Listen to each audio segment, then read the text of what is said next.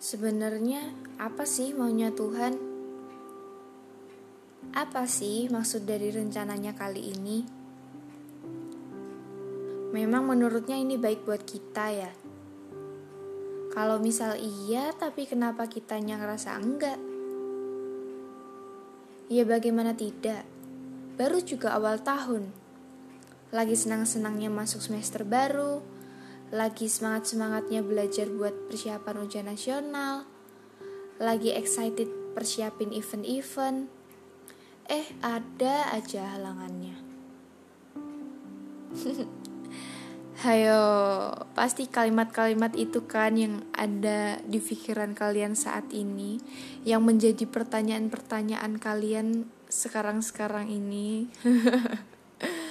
Gak apa-apa, aku paham kok Pasti juga gak sedikit dari kalian yang rasa sia-sia.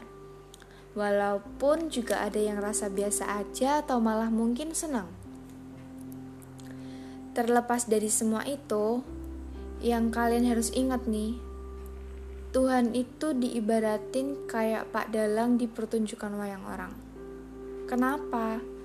Ya karena dia bisa dengan sesuka hatinya mengubah segala skenario yang bahkan sudah ia tetapkan.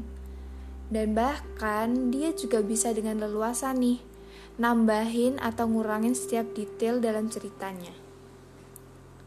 Sedangkan kita, ya pasti tahulah jadi apa. Apalagi kalau bukan wayang orangnya. Walaupun kita nih diberi keleluasaan untuk berimprovisasi, tapi pasti semua itu harus tetap sejalan kan dengan skenario yang ia buat. Iya kan? Maka dari itu, mau gak mau, siap gak siap, kita harus hadapin ini semua bareng-bareng. Karena gak cuma kamu doang yang jadi wayangnya, tapi kita semua bahkan seluruh dunia. Percaya deh, walaupun awal tahun ini kerasa begitu berat, pasti ada banyak manfaat dan pelajaran di balik semua ini. Bergantung bagaimana kita menyikapinya. Dan yakinlah, semua ini pasti akan berakhir dengan indah dan kalian akan bangga ke diri kalian sendiri karena udah bisa ngelaluin 2020 ini dengan sangat hebat. Ya walaupun gak sedikit kesedihan yang menjadi proses utamanya. Oh iya, ada juga beberapa hal yang gak boleh kalian lupain. Pertama, Tuhan gak akan pernah ngebiarin kita bergumul sendiri. Kedua, ia gak akan pernah ninggalin kita dan yang terakhir, ia juga nggak akan pernah ngasih kita cobaan di luar kemampuan kita.